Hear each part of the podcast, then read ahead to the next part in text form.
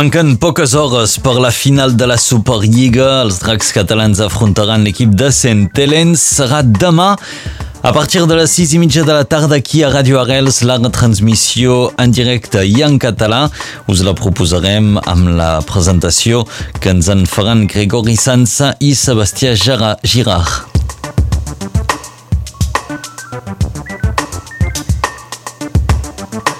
A l'actualitat, també d'aquí una setmana les proves PCR passaran a ser de pagament, ja no seran gratuïtes, això a condició, doncs, eh, perquè siguin gratuïtes caldrà tenir una prescripció mèdica, si no són preus de fins a 44 euros.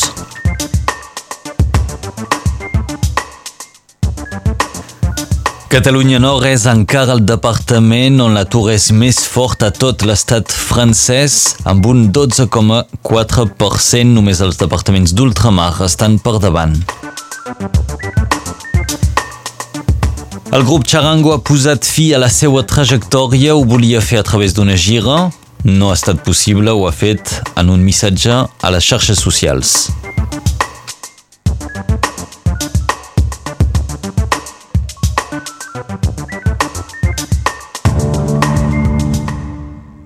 Els dracs catalans es van enlairar ahir a finals de matí des de la Llavanera fins a Manchester, on demà jugaran a la final de la Superliga.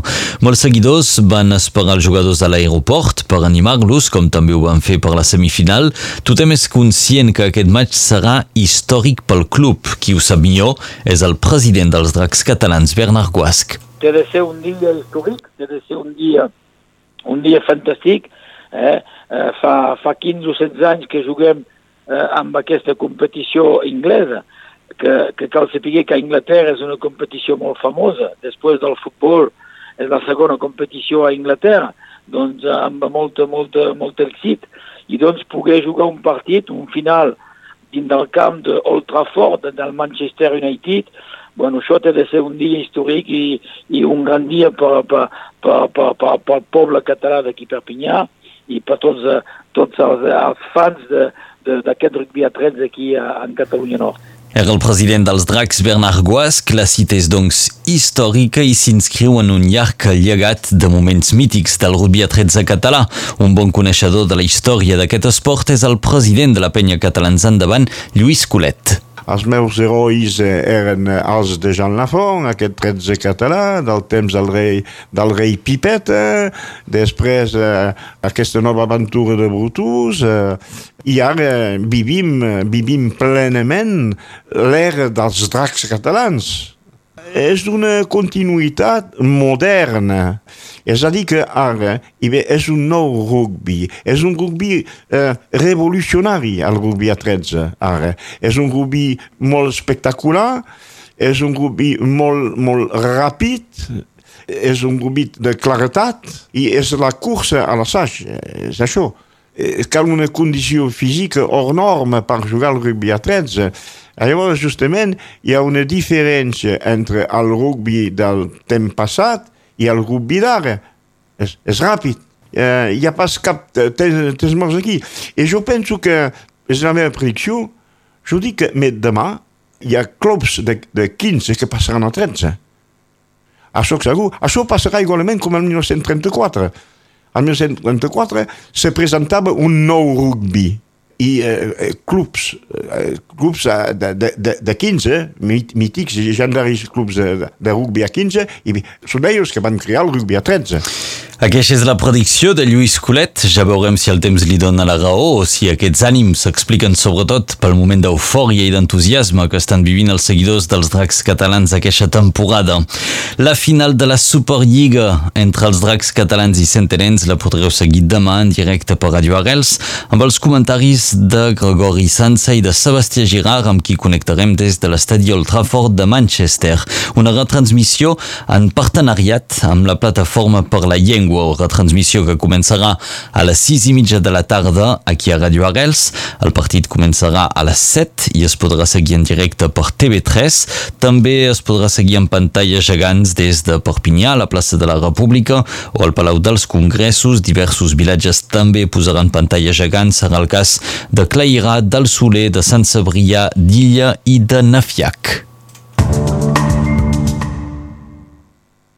Un important incendi ha cremat aquesta nit en un local agrícola de Bula Ternera. El foc no ha fet cap víctima, però els danys materials són considerables. Han cremat quatre tractors i diversos remolcs. Sis persones es, es troben avui sense feina. Els alumnes de les escoles de Catalunya Nord ja no hauran de portar mascareta a classe a partir de dilluns. És una bona notícia per la Federació Departamental dels Consells de Pares d'Alumnes de les Escoles Públiques, la FCPE 66 que considera que serà positiu pel benestar i l'aprenentatge dels infants. La fi de la mascareta a classe es pot aplicar a casa nostra després del retrocés de l'epidèmia. Avui el departament compta només amb 33 casos per 100.000 habitants, la tensió hospitalària cau a un 25% i el nivell de vaccinació és avui d'un 79,92%. I d'aquí tot just una setmana les proves PCR deixaran de ser gratuïtes. La mesura concerneix les proves PCR dites de confort, és a dir, aquelles que es fan sense motiu mèdic. El cost de les proves serà prou elevat, 44 euros pels majors d'edat no vaccinats i 22 euros per les proves antigèniques. En canvi, el test serà encara gratuït si vos la, el recepta un metge. Abans d'una hospitalització també la prova serà gratuïta o encara si seu assenyalat com a cas contacte per l'assegurança malaltia. Catalunya Nord lidera un cop més la llista de departaments on l'atur és més fort a l'estat francès al segon trimestre del 2021. Només els departaments d'ultramar tenen una taxa d'atur més important. A Catalunya Nord, un 12,4% de la població no té treball, una xifra que es manté estable des de finals d'any passat. Després d'un pic de l'atur a 14,3% l'any passat, doncs ara el departament torna a tenir una taxa d'atur semblant a la que teníem abans de la crisi sanitària. La vila de Perpinyà registra un atur d'un 12,8%. El govern francès va anunciar ahir que les persones en situació d'atur de llarga durada rebran una prima de 1.000 euros per a aquells qui segueixin una formació en una empresa dels sectors que més ofereixen llocs de treball. Valle de Perpinyà, Louis Alliot, entra en la campanya electoral de la presidencial com a portaveu de Marine Le Pen. El vicepresident del Rassemblement Nacional serà un dels 10 portaveus de la campanya del partit d'extrema dreta. El grup Charango s'ha acomiadat del seu públic en un missatge publicat a les xarxes socials en el qual diu adeu als seus seguidors. El grup ja fa temps que va anunciar el seu comiat, però l'aparició de la Covid-19 va frustrar la gira de presentació del darrer disc. El grup doncs, no ha pogut dir adeu des dels escenaris. Els seguidors de Chara, dels Charango esperaven noves dates per aquesta gira, però el grup ha decidit posar fi al viatge, tot i això no tanca la porta al comiat als escenaris en un futur més o menys proper. Parlem ara de l'autor de Zanzibar, Abdul Razak Gurnah, que ha estat uh, escollit Premi Nobel de la Literatura del 2021. El jurat de l'Acadèmia Sueca ha destacat el seu compromís amb els efectes del colonialisme i el destí dels refugiats. Els esports, la cita destacable del cap de setmana és evidentment la final de la Superliga entre els dracs catalans i centelens demà a les 7 de la tarda a Old Trafford de Manchester. La retransmissió del partit a Radio Arrels començarà una mitja hora amb la col·laboració de la plataforma per la llengua. I en rugby a 15 l'USAP també jugarà demà amb un desplaçament al camp del Racing 92 a les 3 de la tarda. L'USAP és actualment a la desena posició de la classificació de top 14 amb 8 punts, dues victòries i 3 derrotes.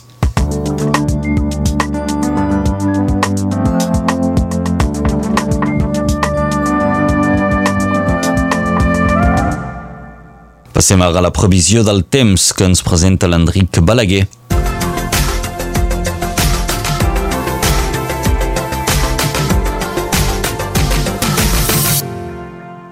La depressió està bloquejada al sud de Catalunya per un vell anticicló. Continua avui l'ambient assoliat, però ara la tramuntana fluixa, el que dona una sensació fins i tot de calor un cop l'aire fresquet dels matins de tardor és rescalfat per sol. A final de tarda s'apropen tímidament alguns núvols cap a l'albera. La temperatura es manté amb valors similars a la d'ahir. 14 als Angles, 16 a Estabar, 17 a Orellà, 20 a Codalet, 22 a Cornellà de la Ribera, a Terats i al Bolú, 18 a Costuja, 19 a Borremar a Cotlliure, 21 a Lenyà, 22 a Baixàs i 20 a Sant Pau de Fenollet. El sol se pondrà a Costuges a 7 hores i 21 minuts. L'escriptora catalana Teresa Pamiès va néixer un 8 d'octubre, era l'any 1919.